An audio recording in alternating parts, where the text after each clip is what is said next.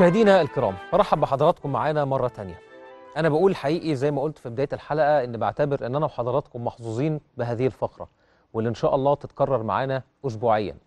وخصوصا بأنه الحديث عن الدين والدنيا بالغ الأهمية في الوقت الراهن في ضوء إنه زي ما كنت بقول لحضراتكم في البداية النهاردة اللي بيبحث مننا على معلومة آه، دينية يلاقي مواقع كتير جدا مبقاش عارف مين اللي وراها ومين بيقول إيه والصح فين.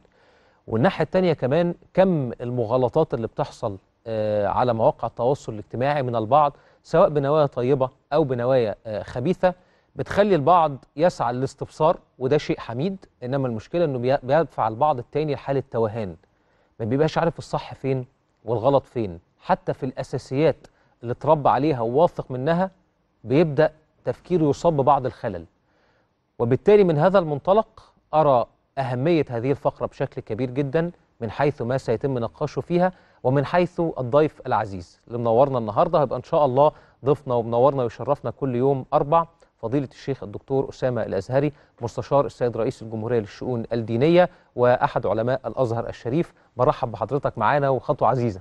أستاذ رامي أنا اولا سعيد وفرحان إن أنا مع سيادتك النهارده وإن أنا أرجع تاني أطل على السادة المشاهدين من شاشة DMC. اللي أنا بعتبر نفسي أحد أبناء القناة من لحظة إطلاقها وتأسيسها.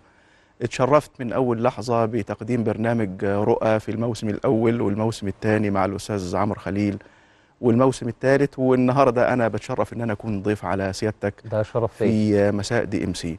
أنا سعيد جدا وممنون لسيادتك على الاستضافة ال- الكريمة. ربنا يبارك في حضرتك. وأكثر سعادة إن أنا أرجع مرة تاني أتواصل مع ال- مع الناس أصغي إليهم. وأستمع.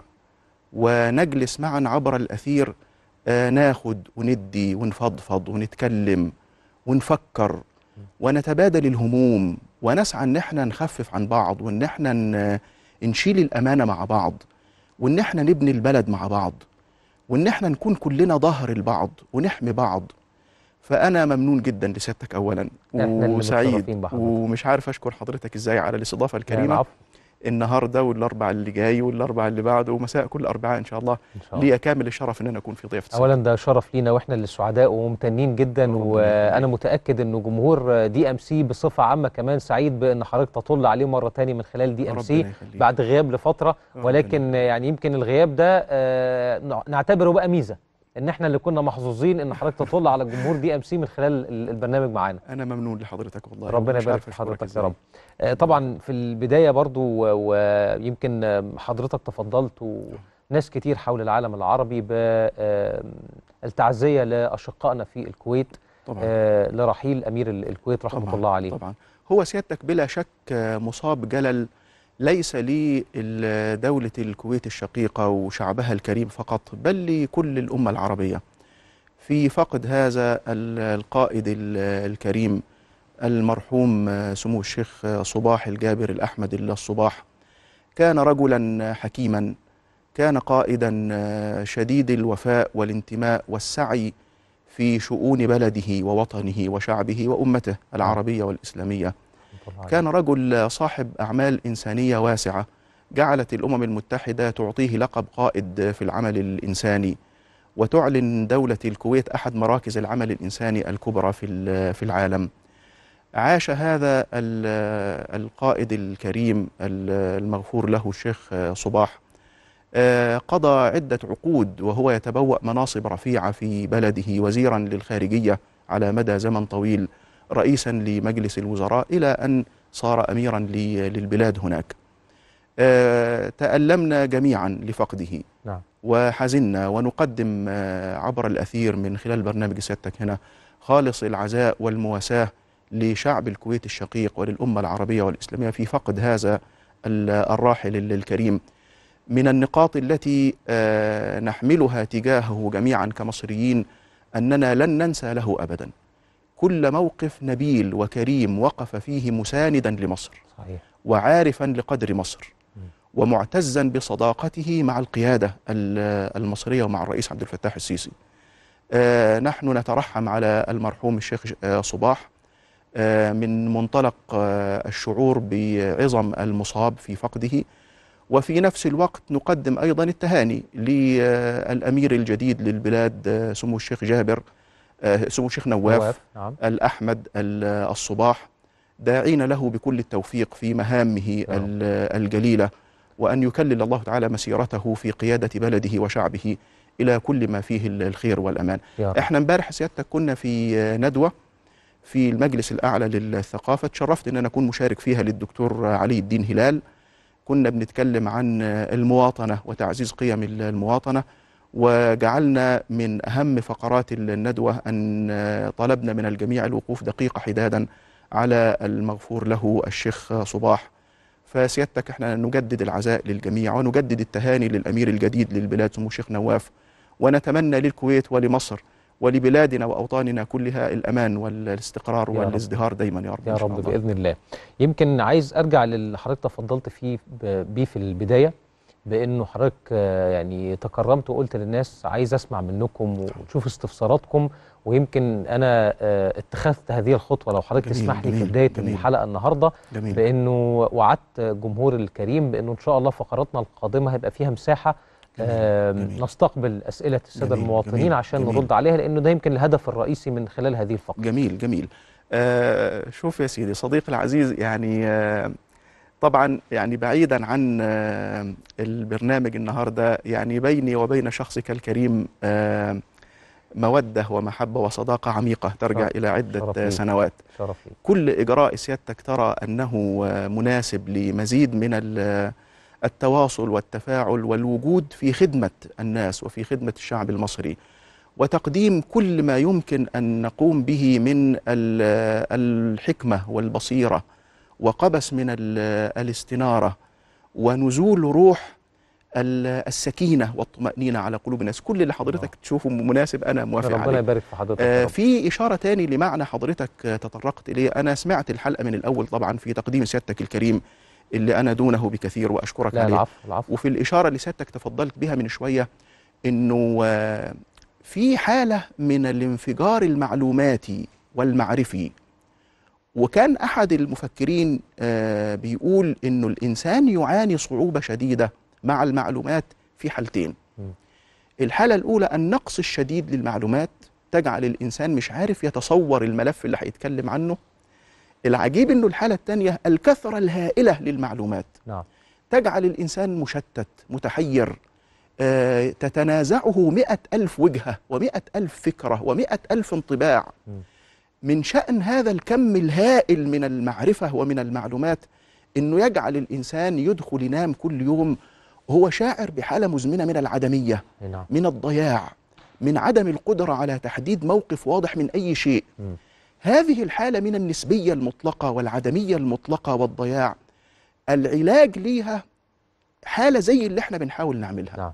إن إحنا ناخد ملف من الملفات وقضية من القضايا ونبذل مجهود كبير جدا قدر ما نستطيع في دراسته والإلمام به والتواصل مع المؤسسات والهيئات والأشخاص المهتمين عسى أن نرجع للمشاهد الكريم بشهاب قبس زي ما سيدنا موسى قال بقبس من من الحكمة م. كان سيادتك ماكسويل مثلا يقول إنه المعارف التي حصلت في البشرية في السبعين سنة اللي فاتت قد المعارف التي حصلت في 700 سنة قبلها. من خمس ست سنين كانوا يقولوا إنه يوميا يبث على قنوات التواصل والإعلام ما يزيد على 120 مليون معلومة وأظن إنها صارت أضعاف أضعاف ذلك. صحيح نعم آه نرجو لهذه ال- الفقرة ولهذا اللقاء الأسبوعي أن يكون مساعد لكل من آه نتشرف إن إحنا يعني نكون ضيوف عليه من خلال الشاشة إن إحنا نوفر عليه وقت إن إحنا نقرب إليه معنى كان بعيد إن نوضح معنى كان غامض. فإيدي على إيد سيادتك وعلى كتف حضرتك لا العفو وإن شاء الله ن- لا اللي إيدي على إيد حضرتك يخليك. كتف حضرتك. ولي الشرف. طيب أنا يمكن قلت للسادة المشاهدين في البداية إحنا هنتطرق لموضوع قبل كده كنا بنسمعه ما بين الحين والآخر كحادث. نعم. بدأ للأسف الشديد يتكرر على ما سمعنا الفترة اللي فاتت. نعم. فلو حضرتك تسمح لي أنا سوف أفصح عن الموضوع نعم. الآن ولكن سنتحدث عنه بعد قليل. يمكن الفترة اللي فاتت وتحديدا لو اتكلمنا على آخر مثلا 10 أيام أو أسبوعين بقى بيتكرر على مسامعنا كتير حوادث تحرش من نوعيات مختلفة. فده هيبقى جزء من حوارنا. ولكن قبل أن نتطرق إليه لو حضرتك تسمح لنا بشرح الإنسان. جميل. الإنسان اللي هو خليط من أشياء كثيرة. وهذه الأشياء أيهما يستطيع الإنسان أن يتحكم فيها؟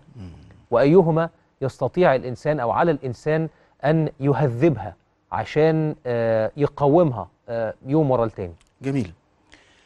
آه الإنسان آه، فيما نفهم بعد تأمل عميق للوحي الشريف للقرآن الكريم مثلا وهدي النبوة الكريم آه الصورة اللي أنا شخصيا خرجت بيها عن الإنسان بعد قراءة ال- القرآن الكريم أنه بناء عريق مشيد على يد عشرات الألوف من الأنبياء والرسل. لأجله أرسل الله أولئك الرسل ولأجله أنزل الله تلك الكتب السماوية ولأجله أوحى الله الوحي ولأجله جعل الله الدنيا والأخرى وجعل الحساب والميزان والجنة والنار وسخر ما في السماوات وما في الأرض جميعا منه. لهذا ال- الإنسان الإنسان هذا ال- الكيان العريق الذي هو أشرف ما في عالم الخلق والذي أسجد الله له الملائكة وعلم آدم الأسماء كلها وجعل الله هذا الإنسان مميز بمزايا ومواهب وملكات تجعله يسبق ويبدع في العلم وفي المعرفة وفي الحضارة. لكن في المقابل أيضا ممكن هذا الإنسان يقع أسير لأهوائه وشهواته ونزواته فيكون في أسفل سافلين. مم. الإنسان أستطيع أن أقول إنه مملكة متكاملة مكونة من الجسم ومكونة من العقل ومكونة من القلب ومن الروح ومن النفس. خمس مكونات محددة. نعم. إحنا جبنا منين هذه المكونات ال- الخمسة؟ لما بدأنا نتأمل القرآن الكريم من أوله لآخره وهدي النبوة ونتأمل الواقع والوجود لأن إحنا مصدر المعرفة عندنا إما الوحي وإما الوجود. سنريهم آياتنا في الآفاق وفي أنفسهم. لما تأملنا الوحي والوجود وجدنا أن الإنسان مكون من هذه المكونات الخمسة. يعني أقدر وأنا بقرأ القرآن الكريم أقول ده خطاب للنفس. المقطع ده من الآيات الكريمة ده خطاب للروح. ده حديث عن القلب. مرة يقول يوم لا ينفع مال ولا بنون إلا من أتى الله بقلب سليم فإنها لا تعمل أبصار ولكن تعمل قلوب آدي القلب. ونفس وما سواها فألهمها فجورها وتقواها آدي النفس. الروح ونفخت فيه من روحي. اللطيف العقل. تكرر في القرآن الكريم فيما يزيد على سبعمائة موضع. إلحاح القرآن الكريم على معنى التعقل والفكر والنظر والتدبر والفهم. يبقى هما خمس مكونات. الجسم العقل القلب الروح والنفس. النفس. كل واحد من المكونات الخمسة له تربية. يعني في مساق ومسار من التربية تعتني بالجسد وتقوم على خدمتها مؤسسات كاملة. فمثلا الجسد لا بد للأب والأم من مراعاة صحة جسد الابن. ألا يكون مريض. آه، من مراعاة الكسوة والملبس ال- الحسن. من مراعاة الرياضة التي تجعل الجسد صحيح ليس محلا للعلل والأمراض وال وال وكذا. فتنشأ من هنا كل المؤسسات الرياضية والنوادي وتنشأ من هنا مؤسسات ال- ال- الصحة وتنشأ من هنا كل المؤسسات التي تعمل على الملابس في العالم من أجل خدمة هذا ال- الجسد. نعم. القلب. طب عذرا المقاطعة قبل أن ننتقل للقلب هل أنا النهاردة كولي أمر ولا حضرتك تسمح لي أنا هتكلم بلغة بسيطة عشان نوصل لكل الناس برضه أرجوك هل أنا النهاردة كولي أمر؟ لو ما كنتش مهتم بابني أو ببنتي بفكرة إن هم يمارسوا رياضة فهنا يعني حسابي عند ربنا إن أنا مقصر في تربية أبنائي تربية صحيحة؟ نعم نعم بلا شك. آم، الرياضة لها أثر عجيب في صناعة الإنسان ليس فقط في تنشيط في تنشيط الجسد وتحويل الإنسان إلى إنسان رياضي آه، لها أثر عميق جدا في نفسية الإنسان في إخراج الإنسان من حالة ال- في- تمتلئ نفسية الإنسان بمعاني متضاربة من الطاقة. ما بين فرح حزن غضب يأس إحباط قنوط همة آه، انشراح آه، عشرات الأمواج من الطاقة التي تتضارب في نفس الإنسان. قد لا ينجح في تسريب وتنفيس هذه الطاقات وإعادة الإنسان إلى حالة الانضباط الأولى إلا ال- إلا الرياضة. الله. لازم يمشي لازم يجري. كم مرة ورد في القرآن الكريم قل سيروا في الأرض. اطلع امشي. فانظروا كيف بدأ الخلق. يعني امشي كده وتأملوا. امشي كده في الأرض امشي. فامشوا في مناكبها وكلوا من رزقه. الله فامشوا في مناكبها يعني اطلع امشي. لازم تمشي يوميا. لازم تجري. لازم تلعب رياضة أيا ما كانت هذه الرياضة. تحرك الجسم تصرف الطاقات المختزنة فيه. تعيد هيكلة وتنظيم وترتيب عشرات من الأعضاء ال- العضوية في جسم ال- الإنسان. سيدي الكريم أستطيع أن أقول أنه لا يمكن للإنسان أن يكون إنسان من غير الرياضة. قد يستغرب بعض السادة المشاهدين الإلحاح على معنى الرياضة من رجل دين إن صح التعبير. لكن أنا شخصيا أمارس الرياضة وألزم أولادي بممارسة ال- الرياضة وأنادي كل إنسان أنه من مقتضيات إنسانيته الكاملة. من احترامنا لإنسانية الإنسان إتاحة الفرصة ليه أنه يجري ويتنطط ويفرغ الطاقة ويتقافز ويتدرب. ما يتركش الجسم يترهل يتراخى. فاسمح لي أن أنا أقول آه، الرياضة أحد مستلزمات صيانة جسم الإنسان نعم. والإبقاء على هذه الأمانة في الحد الأدنى من الصحة والاعتدال. صحيح. أفضل مصل للجسد. بلا شك بلا شك. الترياق ال- الذي لا بد منه. طبعا حضرتك آه، كان عليه الصلاة والسلام يفعل بين أصحابه المسابقة عن طريق الجري وعن طريق ال- المسابقة على ظهور ال- الخيل وعلى ظهور ال- ال- الجمال. وكان يأتي بالحبشة يلعبون في المسجد ألعابهم. حتى تراها ستنا السيدة عائشة أم أم المؤمنين وألفت كتب عن رصد تاريخ فكرة ال- الرياضة عند عند المسلمين في في التاريخ. نعم. فطبعا بلا شك الرياضة أحد مستلزمات صيانة الجسد الذي هو أول عمود من الأعمدة الخمسة للمملكة العظمى التي تسمى الإنسان. جميل. القلب واحد من ثلاث أنواع قلب مريض قلب سليم قلب ميت. القلب ده ليس الجسم العضوي الذي يضخ الدم. القلب معنى أعمق من ذلك. القلب الذي هو لطيفة ربانية جعل الله بها في الإنسان مناط الفهم والفقه والتدبر. يعني كأن هناك داخل هذا الجسم العضوي المسمى بالقلب كأن هناك ملكة أخرى هي التي يسميها القرآن القلب. ولذلك يقول فإنها لا تعمى الأبصار ولكن تعمى القلوب. التي في في الصدور. إذا القلوب قد تعمى وقد تبصر. قد تنشرح هذه القلوب ويكون قلب سليم. يوم لا ينفع مال ولا بنون إلا من أتى الله بقلب سليم. أو تمرض. في قلوبهم مرض فزادهم الله مرضا. فيطمع الذي في قلبه مرض. وقد تمرض القلوب بشهوة من الشهوات. وقد تمرض بشبهة من الشبهات التي تجعل اليقين والثبات في داخله مرتبك مهتز. منهزم داخليا. يبقى حضرتك هن- هنشعب ون ون ون وناخد المحاور الثلاثة ونتكلم في حلقات قادمة باستفاضة عن القلب السليم كيف الوصول إليه القلب المريض كيف القلب الميت. نعم. يبقى الجسم القلب فيه ثلاثة قلب سليم قلب مريض قلب ميت. ال- العقل. ال- العمود رقم ثلاثة المكون رقم ثلاثة. العقل إما عقل سطحي أو عقل عميق أو عقل مستنير. عقل سطحي ما بيفكرش. بياخد الأدوات والآلات اللي بيعيش فيها ويتعامل معاها يتعامل مع ظاهر الكون المحيط بيه. عمره ما وقف وفكر. ليه؟ لماذا؟ إزاي جات؟ فين القانون اللي بينظمها؟ هل أقدر أطورها؟ إزاي أفهم النو هاو والصنعة اللي موجودة فيها؟ هل أعرف أعمل زيها؟ أولد منها؟ يبقى ده عقل سطحي. ونحن نريد ونسعى بكل ما نملك لإخراج أي عقل على أرض مصر. بل في العالم من أن يركن إلى التعايش مع ظواهر الأشياء المحيطة به من غير ما يفكر. ولذلك كان الأستاذ العقاد آه، رحمه الله له كتاب مهم أرجو انه الكل يقرأه اسمه التفكير فريضة إسلامية. نعم.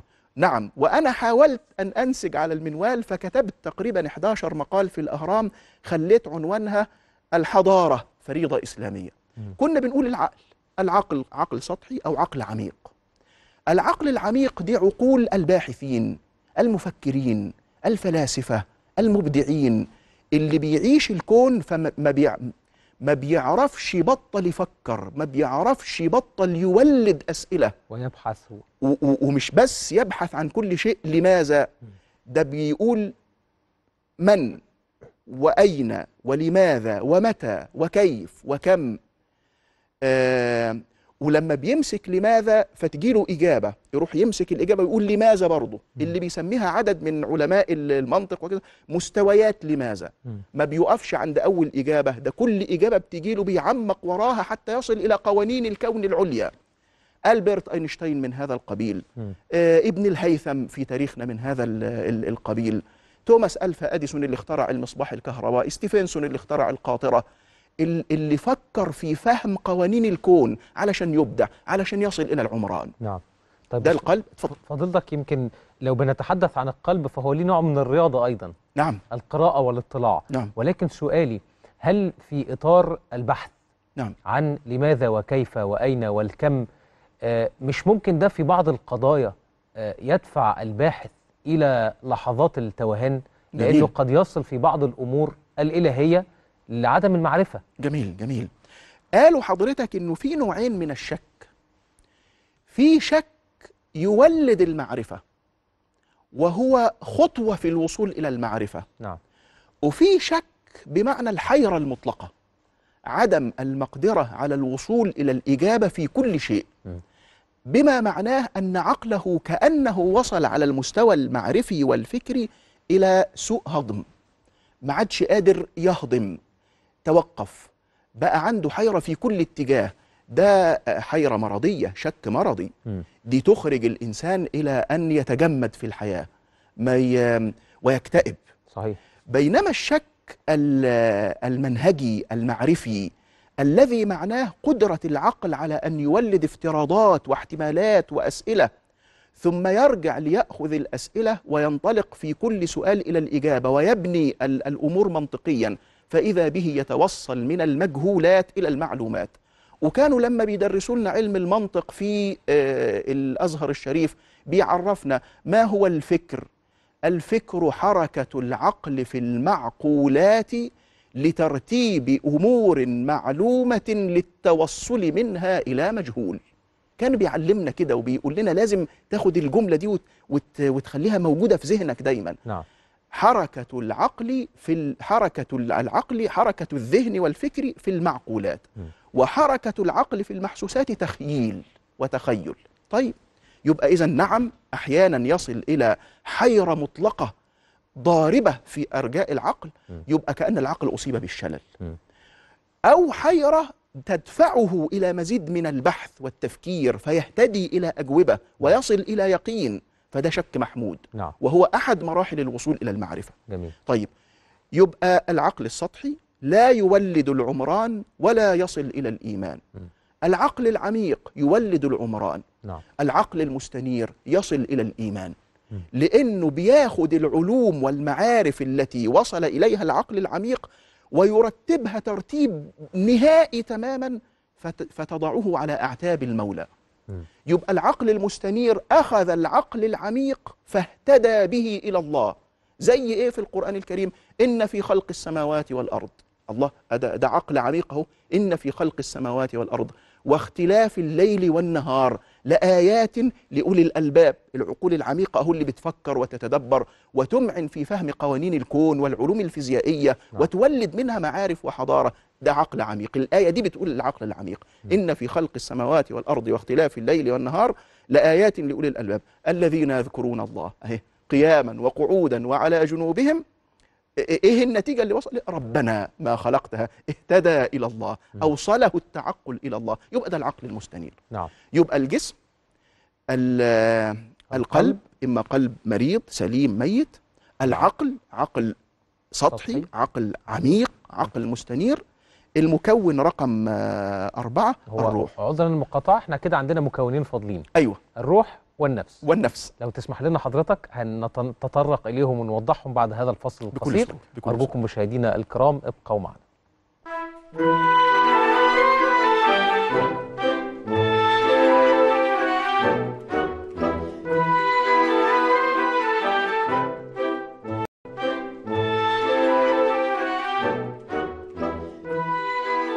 برحب بحضراتكم معانا مرة تانية مشاهدينا الكرام ويمكن قبل الفاصل كنا بنتحدث عن الإنسان ومكونات الإنسان.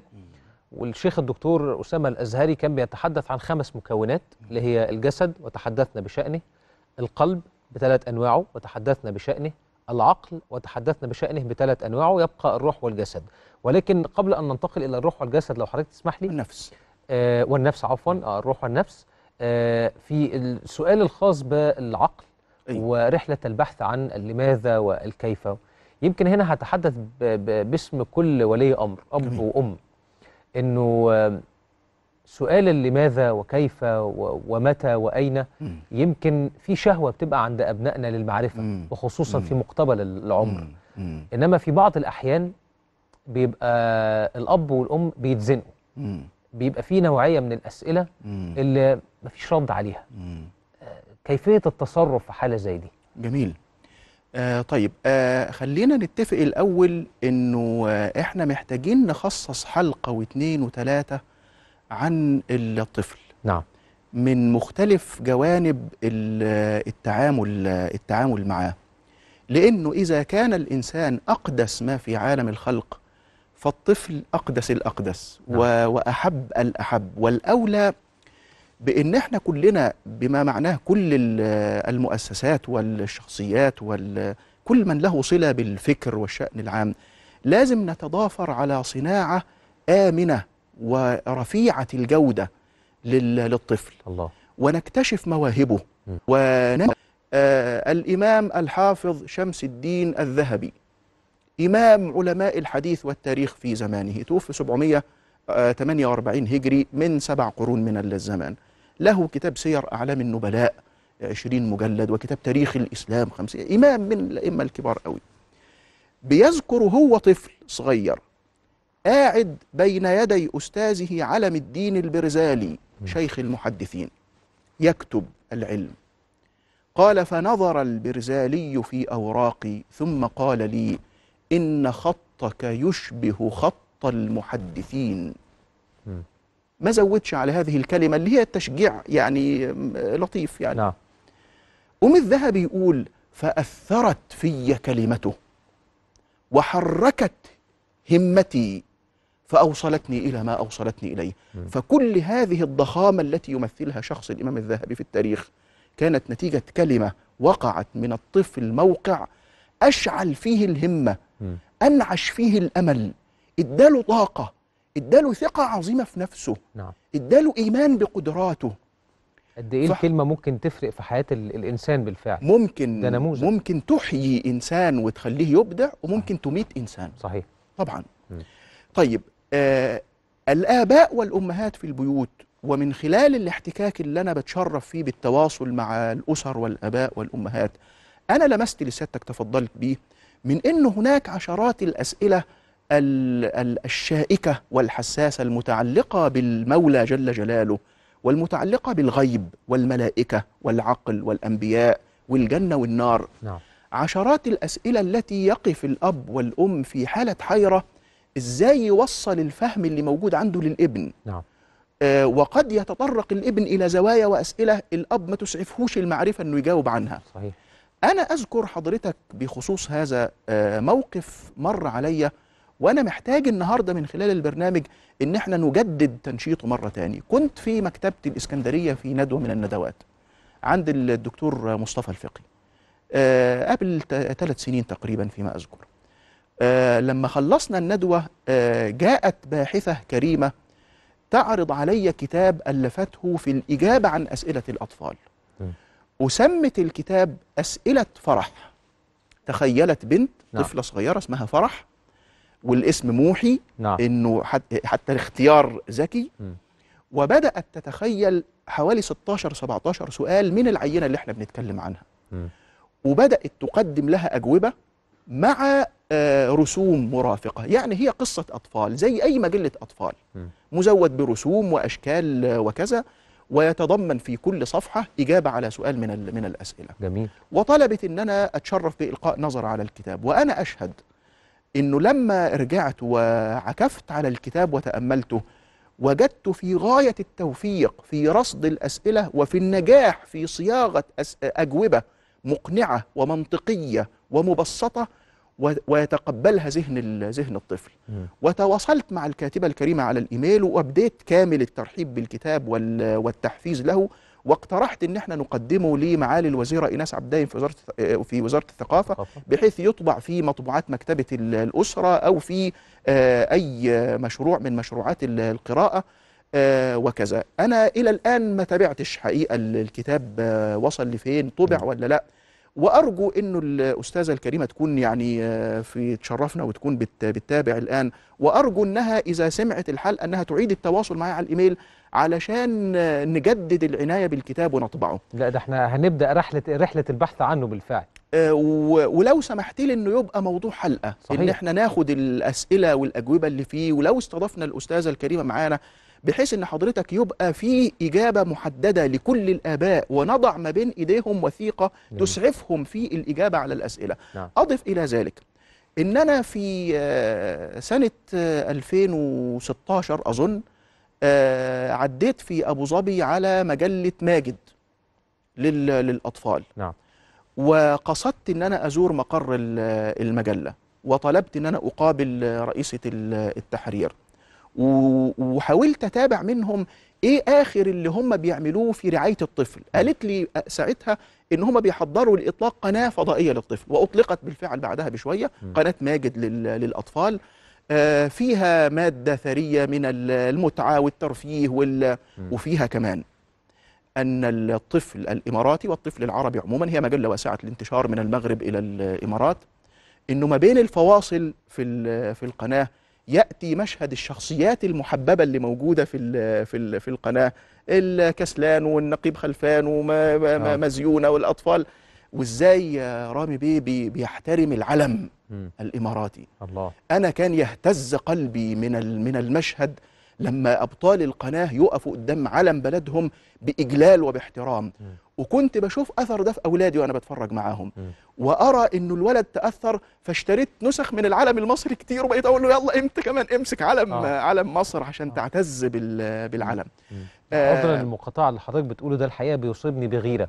لأن إحنا في أشد الحاجة لمخاطبه الأطفال صح. من خلال مجلات صح. قنوات صح. تلفزيونية صح. لأنه صح. من ضمن نق- النقاط السلبية اللي بيواجهها النشء دلوقتي بشكل لا إرادي صح. إنه أي نافذة كرتونية بالنسبة له هي غربية صح. وليست محلية. صح. فاللي حضرتك بتقوله ده نموذج رائع ويا رب إن شاء الله يبقى عندنا نافذة مماثله هنا إن شاء. الله بإذن الله يعني إن شاء الله ربنا يوفقنا ونقدم للطفل المصري والطفل العربي م. كما كان شأن مصر عبر تاريخها صحيح المصدر الملهم لكل طفل في الوطن العربي وفي العالم الإسلامي وفي العالم م. فأنا آسف إن أنا يعني تفرعت لا في لا ابدا في بالعكس ال- في بالعكس إحنا بنستفيد من بس. نعم هناك أسئلة حساسة كتير هناك مشاريع زي الكتاب أسئلة فرح ربنا يوفقنا إن إحنا نرعاه ون ونحفز الهمم لإخراج عشرات من من أمثاله. هناك فقرة زي ما اتفقنا إن شاء الله عشان نرد على هذه الأسئلة الشائكة بإذن الله. بكل طيب. يبقى ننتقل للمحورين الفاضلين في تكوين. الإنسان ممتاز. اللي هما الروح والنفس.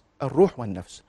الروح قد تكون أشرف ما في الإنسان لأنها اللطيفة الإلهية المنزلة من الحضرة الإلهية والتي بها استنار كل هذا المجموع. يعني كما لو أننا أحضرنا العقل والقلب والجسم والنفس زي ما نكون وصلنا كل المصابيح والثريات وال والأباجورات والنجف. ده النجفة دي قلب والنجفة دي عقل واللمبة دي جسم واللمبة دي قلب.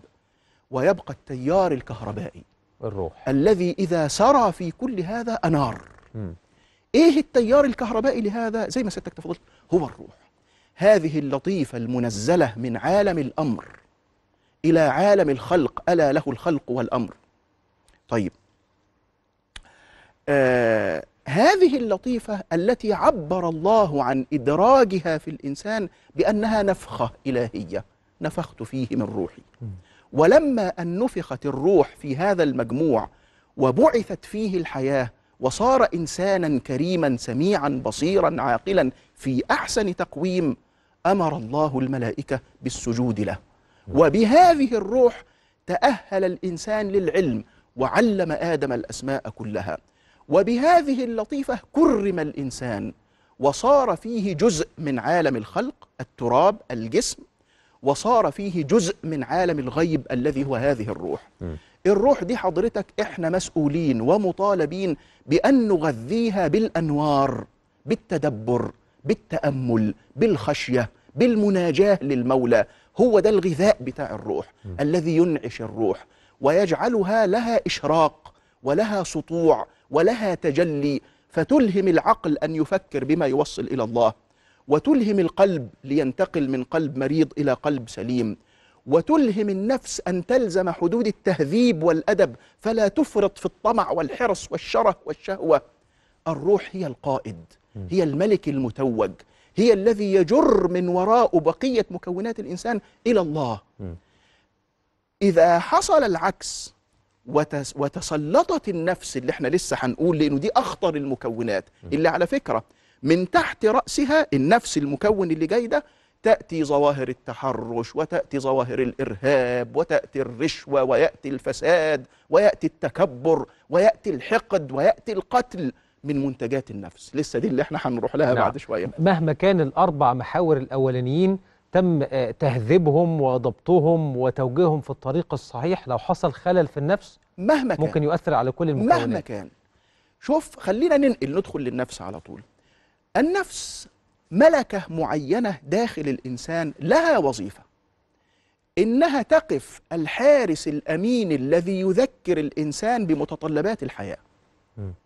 يعني هي اللي كل شوية ترن جرس وتقول في جوع هنا محتاجين ندخل أكل دلوقتي يروح ياكل مم. حفظا لهذا الجسد من إنه يموت فتذكر الإنسان بالمأكل مم. هي اللي بترن جرس جوه الإنسان وتقول له على فكرة الهدوم دي ما بقتش مناسبة محتاجين نجيب هدوم. ها بنفكرك. آه، اللي تجيب هدوم جديدة جميلة وأنيقة وتليق وتحفظ كرامة الإنسان يروح يجيب ال- الهدوم. هي اللي بتفكر الإنسان وتقول له على فكرة في احتياج ملح لمتطلبات مالية ولازم توسع مصادر دخلك وإنفاقك ويبقى عندك مصادر أوسع عشان تعيش حياة كريمة أنت وأسرتك. فتفكروا بالمال وبجمع المال. هي اللي بتنقح عليه وتقول له كرامتك ومكانتك قدام الناس ما ينفع هي اللي بتخليه تحدث عنده ال- الحالة دي. النفس دي إذا بقيت في هذه الوظيفة التذكير بالمتطلبات الأساسية للحياة على وجه الاعتدال والقصد يبقى بارك الله فيها وتبقى نافعة جدا وتقوم بمهمتها على أكمل وجه. لكن بيحصل الخلل بقى اللي هو إيه؟ لا تقف عند حدود التذكير في الأكل بما يقيم الجسد ويحدث الشبع. دي بتدفع الإنسان أن يتعامل مع الأكل بشره. بنهم. فيمرض الجسد.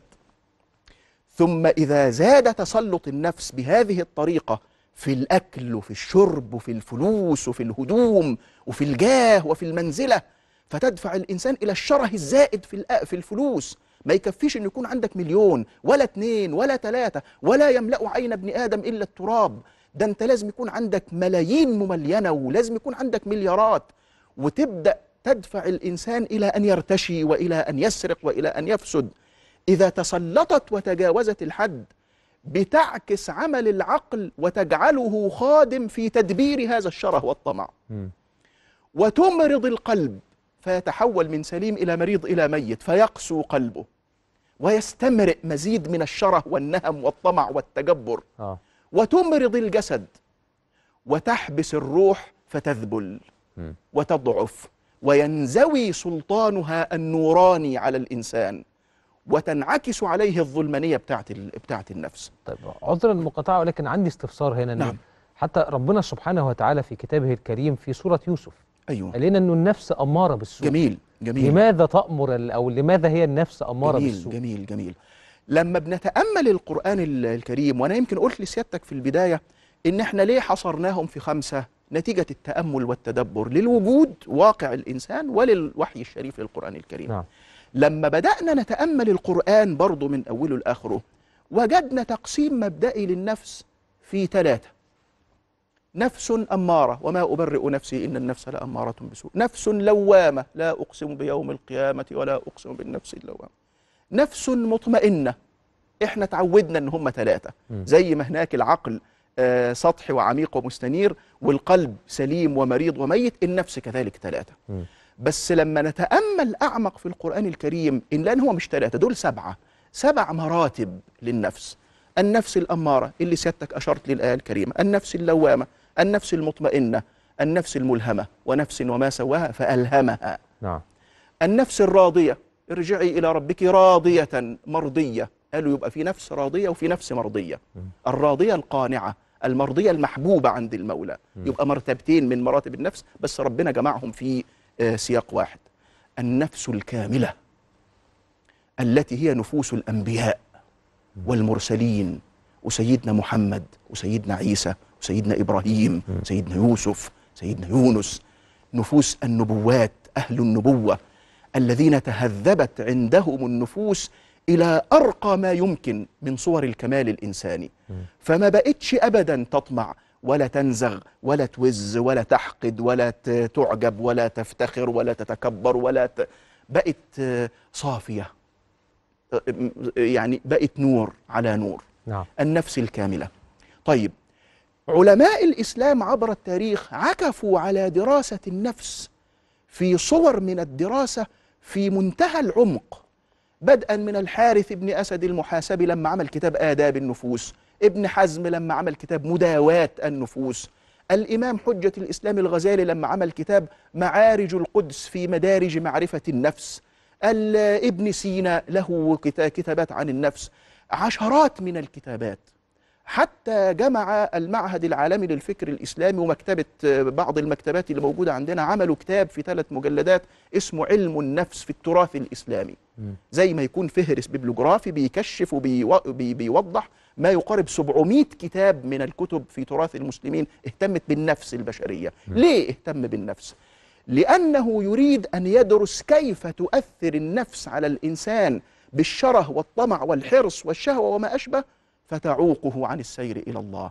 فكانت دراسة أئمة الإسلام للنفس في غاية العمق بغية تذليل عقبات السير إلى الله جل جلاله. نعم ولذلك حضرتك وطلع طبعا هنا مؤخرا الأستاذ الدكتور محمد عثمان نجاتي الله يرحمه كان أستاذ وعلم النفس في أدب عين شمس وعمل كتاب القرآن وعلم النفس وعمل كتاب السنة النبوية وعلم النفس. جهود جبارة بل يصل من إبداع علماء المسلمين في هذا أن الإمام ال- الغزالي حجة الإسلام الغزالي في كتاب تهافت الفلاسفة يصف مفهوم من التجربة وملاحظة النفس البشرية يسميه سبق الوهم إلى العكس. فإذا به مطابق تماما لنظرية بافلوف في رد الشرط في رد الفعل الشرطي الانعكاسي. اجرى نظرية في في علوم النفس تنبني عليها مقررات كتير في التعليم وفي التربية وفي الإعلام وفي غيره. ال- الغزالي بيصف نفس المفهوم قبل زمن مما يدل على إنه في دراسة وفي رصد وفي تأمل نعم. للمريدين والسالكين إلى الله والمجتمع والناس. فهي سيادتك النفس آه، حضرتك قلت لي ليه ربنا سماها أمارة؟ تبدأ دائما هكذا. أمارة بتنزغ بتوز الإنسان على طول. بتحركه إلى المطامع والأهواء والتعالي. اذا قد تستمر بهذه الصورة إذا ما كانش فيه تهذيب ومراقبة وصرامة في التعامل وتهذيب عميق. ومستمر. تستمر إلى أن يموت الإنسان. أمارة دائما. نعم. قد قد يحدث عند الإنسان حال إفاقة وانتباه واستشراف إلى الكمالات فيعامل النفس بالمقاومة وبالتهذيب فتبقى نفس لوامة يبقى نقلت خرجت من دائرة النفس الأمارة وبدأت تبقى حالة أرقى شوية إيه إيه تعاتب على الإنسان تلومه ترجع تقول له ما كانش ينفع كده خلي بالك المرة اللي جاية بقى نفس لوامة. آه. إذا استمر في تهذيب نفسه وأن يروي طبعه بالكمالات وبالنور وبالأدب وبالتهذيب وبالرقي وبالكمال وبالذوق الرفيع صارت نفس مطمئنة. كيف تروى النفس بالمجاهدة؟ المجاهدة اللي هي دوام مواظبة الإنسان على إلزام نفسه بالتهذيب. يعني بذل مجهود كبير من الإنسان إنه لازم يبقى كويس لازم نعم. يتنزه عن عن المعاني ال- الرديئة أو النازلة أو التي لا تليق. نعم. وبذكر الله جل جلاله. لذكر الله عجائب في فك ظلمانية النفس في فك جمود النفس في جعل النفس ألين وأقرب لقبول ال- ال- النصيحة. نعم. فهو سيادتك ال- ال- الأمارة بتبدأ دائما بهذه الصورة تنقل إلى اللوامة ثم تصعد في في معارجها إلى أن تكون نفس آه، طيب بس يمكن زي ما. حضرتك تفضلت إنه ممكن ال... هي دي الأخطر أيوه. لأنه الخلل فيها بيصيب كل مكونات يدمر كل شيء يدمر كل شيء. بخلل. نعم. طيب هنا في أحيان كثيرة وده يمكن إن ينقلنا للملف اللي قلنا هنتطرق إليه في موضوع مثلا التحرش. نعم. وبدأنا نلاحظ آه، بيتكرر على مسامعنا حوادث كلها ما كناش نتخيل إنها ممكن تحصل بالشكل ده. صح. يمكن كنا نسمع عنها صح. آه، فتحصل مرة. إنما لما تتكرر هنا في مشكلة. نعم. وخصوصا إنه نفس الإنسان لما بتمرض مم. بتخليه بشع. بشع ويعني بصيرته بتنعدم. صح. ما بيبقاش شايف إن الخطأ ده خطأ ما. بيبقاش شايف إن صح. الجريمه جريمة. صح. فاللي يروح يعني في حوادث كتير كده صعبة. لما نلاقي راجل مسن يتحرش بطفلة كارثة. لما نلاقي آه، شخص آه، بيتحرش بثلاث أطفال كارثة. حكم الدين في هذا الأمر إيه؟ في حرمانية الجسد ممتاز ممتاز وبرضه ممتاز. رأي حضرتك في بعض ممتاز ال ال من يطرح آه، أطروحات ساذجة لو حضرتك نعم. تسمح لي إن أنا أقولها بالوصف ده. إنه بيدوا مبررات. نعم. أصل لبس المرأة أصل تحرك المرأة أصل خروج المرأة. فأحب أسمع برضو ممتاز. يعني رأي حضرتك في هذا الأمر. طيب آه إحنا قدامنا قد إيه وقت؟ لا يعني قدامنا وقت. طيب ممتاز. قدامنا وقت دي قضية شائكة ومحتاجين نتحدث بشأنها. آه أنا كمواطن مصري في المقام الأول مهموم ببلدي ومحب لهذا البلد العظيم ولشعبه الكريم رغم أنف كل حاقد.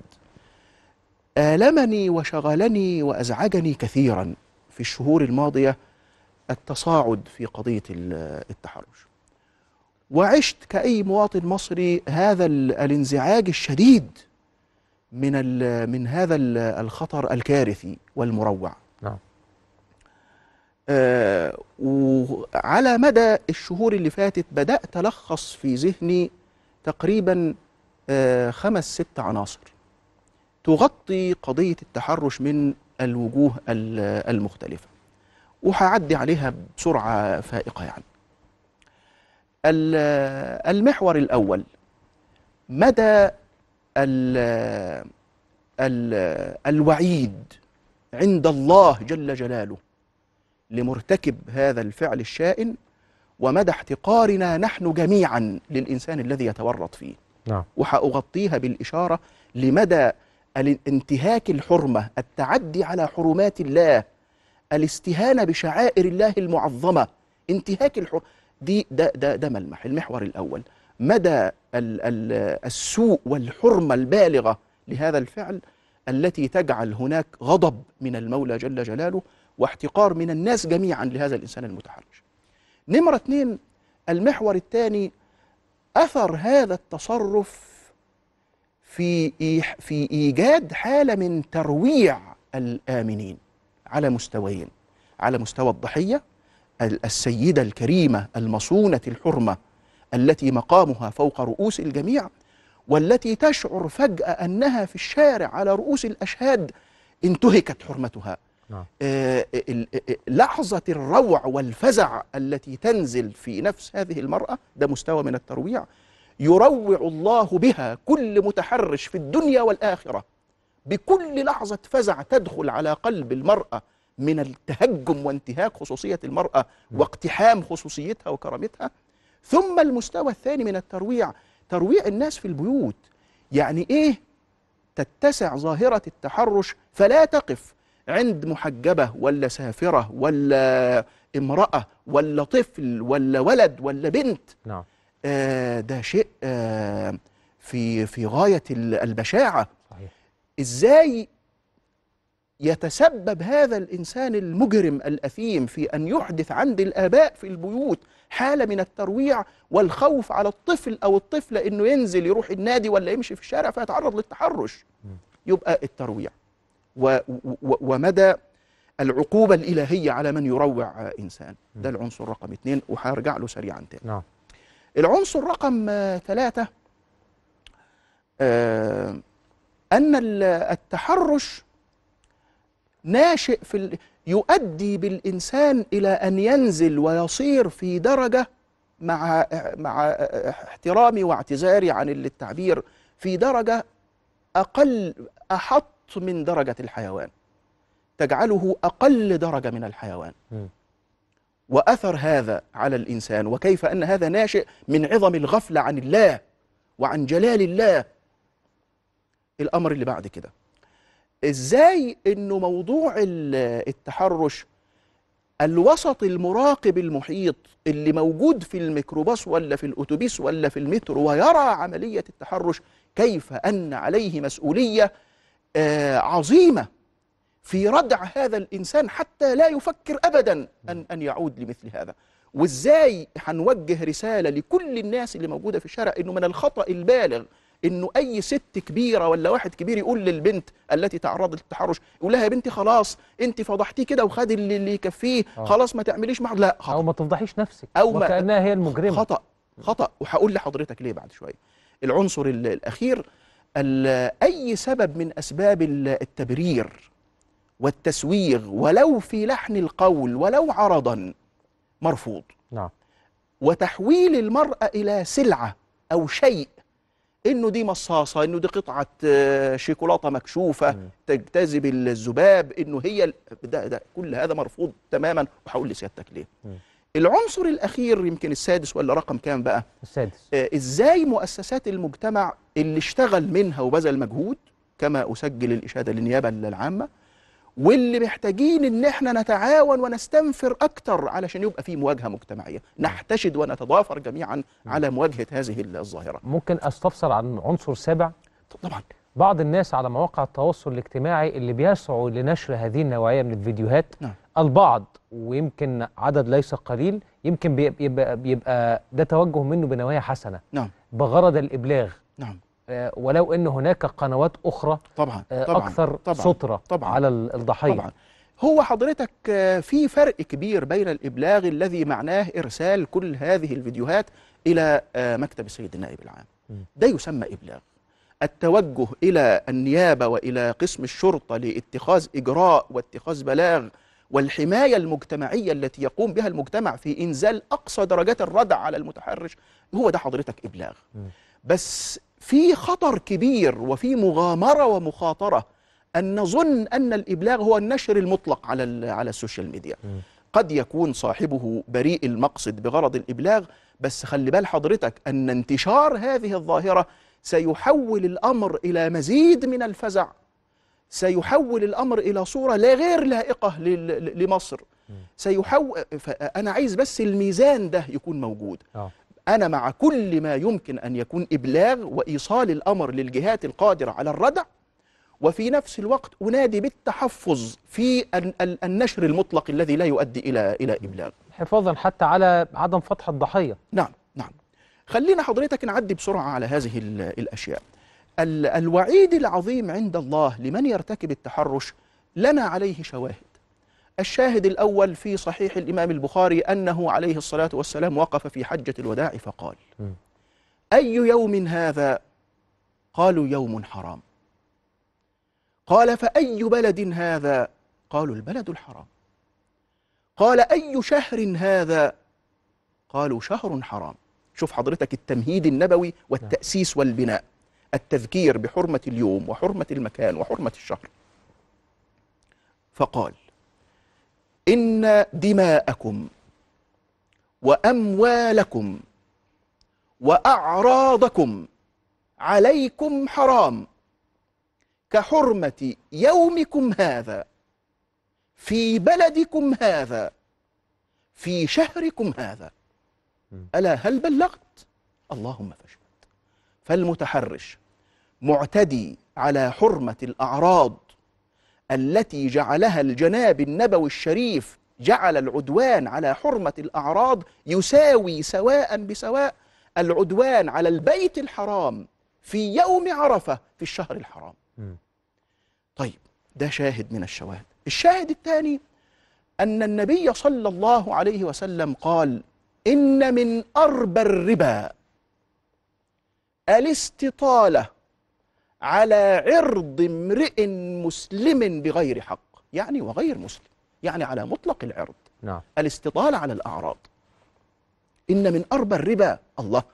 يعني كل الوعيد الإلهي المترتب على التعامل المالي بالربا سيتنزل على المتحرش؟ نعم. مم. من هذا الوعيد الإلهي يا أيها الذين آمنوا اتقوا الله وذروا ما بقي من الربا إن كنتم مؤمنين فإن لم تفعلوا فأذنوا. بحرب من الله ورسوله. فأنا بقول للمتحرش ائذن واعلم أنك معرض لسخط وحرب من الله ورسوله. إيه اللي هيحصل إذا آذنه الله بالحرب؟ يشقيه يمرضه يسقمه يجعل علاقته بأخته وزوجته وأمه وأبوه وجيرانه علاقة في غاية السوء تنغصه. يبتليه بالأمراض يكدر عليه وينغصه. تتحول حياته إلى جحيم. إلى جحيم. ومن أعرض عن ذكري فإيه اللي هيحصل عند الإعراض؟ فإن له معيشة ضنكا. ونحشره يوم القيامة أعمى. قال رب لم حشرتني أعمى؟ وقد كنت بصيرا. قال كذلك أتتك آياتنا فنسيتها. وكذلك اليوم تنسى. كام واحد قال لك عيب؟ ما يصحش ما ينفعش لا يليق. وأنت مش عايز تسمع لم يؤثر فيك هذا. يبقى إذن المتحرش معتدي على حرمة الأعراض التي تنزل سواء بسواء حرمة البيت الحرام في اليوم الحرام في الشهر الحرام المتعرض للأعراض والقائم بالتحرش يأذن بحرب من الله ورسوله. آه. نمرة اللي بعد كده. من شواهد هذا أيضا أن الله جل جلاله قال لئن لم ينتهي المنافقون والذين في قلوبهم مرض والمرجفون في المدينة لنغرينك بهم ثم لا يجاورونك فيها إلا قليلا ملعونين أينما ثقفوا. أخذوا وقتلوا تقتيلا. لئن لم ينتهوا عن إيه؟ إيه اللي ربنا قال إن هم ينتهوا عنه؟ قم تجد في تفسير الإمام يحيى- يحيى بن سلام يقول لك لئن لم ينتهوا عن أذى الناس في أعراضهم ونسائهم. أهو. مم. الله. إذا ما انتهاش عن هذا الفعل يبقى ملعونين أينما ثقفوا. نعم. يبقى أنت معتدي على حرمة الأعراض كاعتدائك على حرمة البيت الحرام تأذن بحرب من الله ورسوله تتنزل عليك لعنات الله تعالى. طيب. آه المتحرش قد يكون باللفظ الفاحش قد يكون بالنظرة الوقحة وأعتذر عن التعبير الجارح. قد يكون بالتعدي ال- المباشر بيده. فهو متفحش وقد ورد في الحديث ليس المؤمن بالطعان ولا اللعان ولا الفاحش ولا البذيء. وقد ورد إن الله يبغض الفاحش البذيء. إذا النقطة الأولى دي نقدر نخرج منها بالصورة الآتية. خطابي إلى كل إنسان سيء تورط في التحرش. اعتديت على الحرمات التي تشبه عدوانك على حرمة البيت الحرام. تأذن بحرب من الله ورسوله ومعيشة ضنك. فاحش بذيء يبغضك الله. تتنزل عليك لعنات الله. دي أول أول محور. نعم. المحور اللي بعد كده. الإنسان ال- المتحرش يتسبب في ترويع الآمنين وخذ ما يترتب على ترويع الآمنين.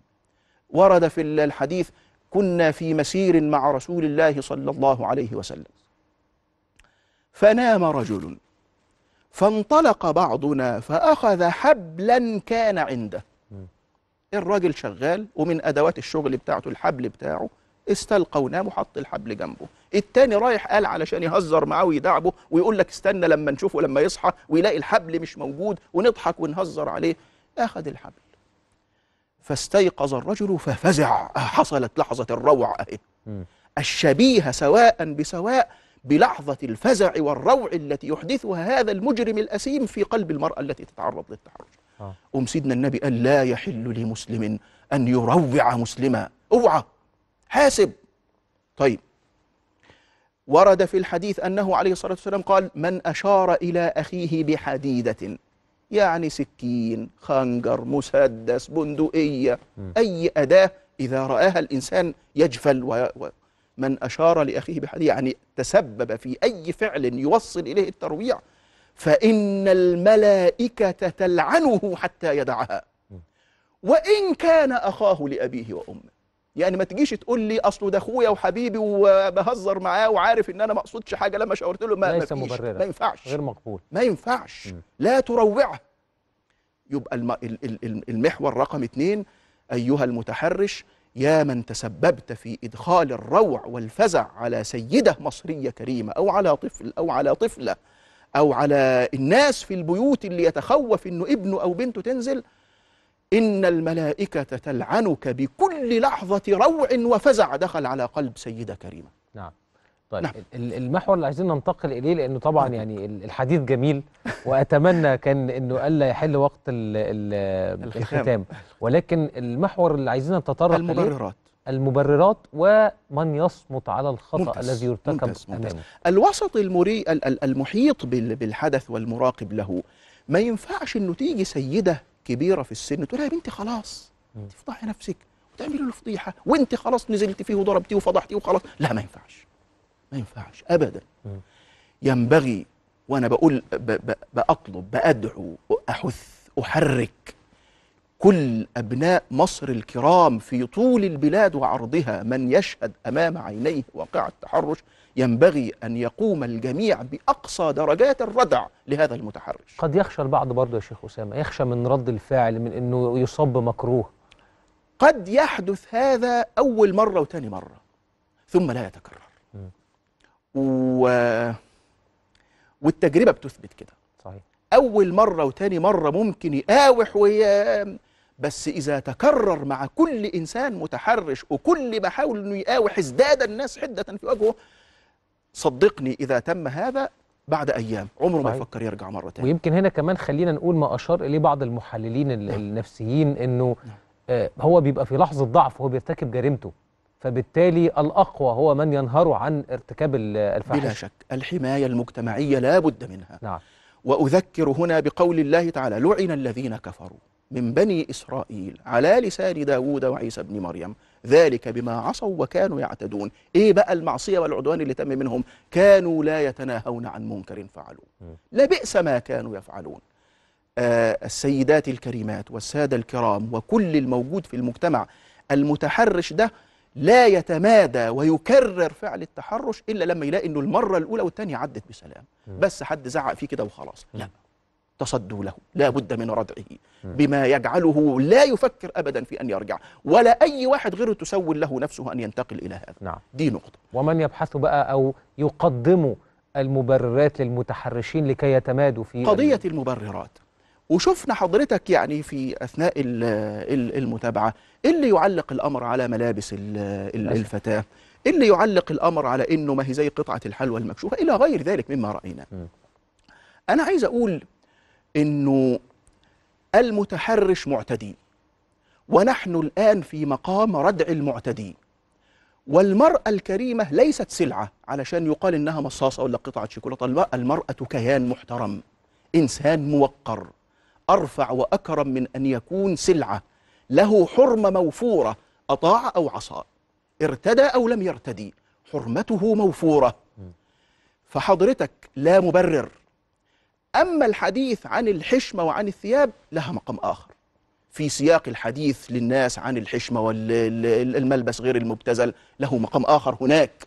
لكن ليس في مقام ردع المتحرش وكف هذا المعتدي لا مبرر له. المرأة مرتدية مش مرتدية متحجبة مش متحجبة كبيرة صغيرة هو الغلطان هو المخطئ. هو الذي لم يعف نفسه لم يكف نفسه عن الغلط. هو المعتدي. نحن الآن في مقام ردع المعتدي. والمرأة موفورة الحرمة. الإنسان مطلق الإنسان موفور الحرمة. آمن أو كفر أطاع أو عصى ارتدى أو لم يرتدي.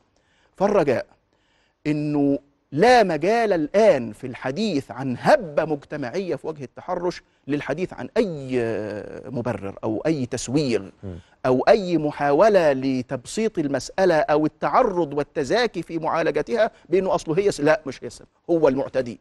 هو الذي ينبغي ردعه بكل الوسائل. ولنا سياقات أخرى طويلة في وقت الاستقرار والأمان. لما كل إنسان يأمن على نفسه نتكلم براحتنا عن الفضيلة والأخلاق والاحتشام ده ده مقرر ده ثابت محدش بينازع فيه. اذا سيدي الكريم أرجو إنه المحاور دي تكون أرجو أن تكون غطت ال- القضية من أوجه مختلفة. يبقى بعد ذلك إنه في مؤسسات آه، بتبذل مجهود آه، كبير. النيابة العامة أنا تشرفت بمطالعة ال- الصفحة ال- الرسمية لل- لمكتب السيد النائب العام والنيابة العامة. شفت ال- المجهود المبذول في ضبط هذا ال- الأمر. نعم. وشفت حضرتك بيان أشيد به وهو محل ال- الاستشهاد من بين كل الجهود المبذولة.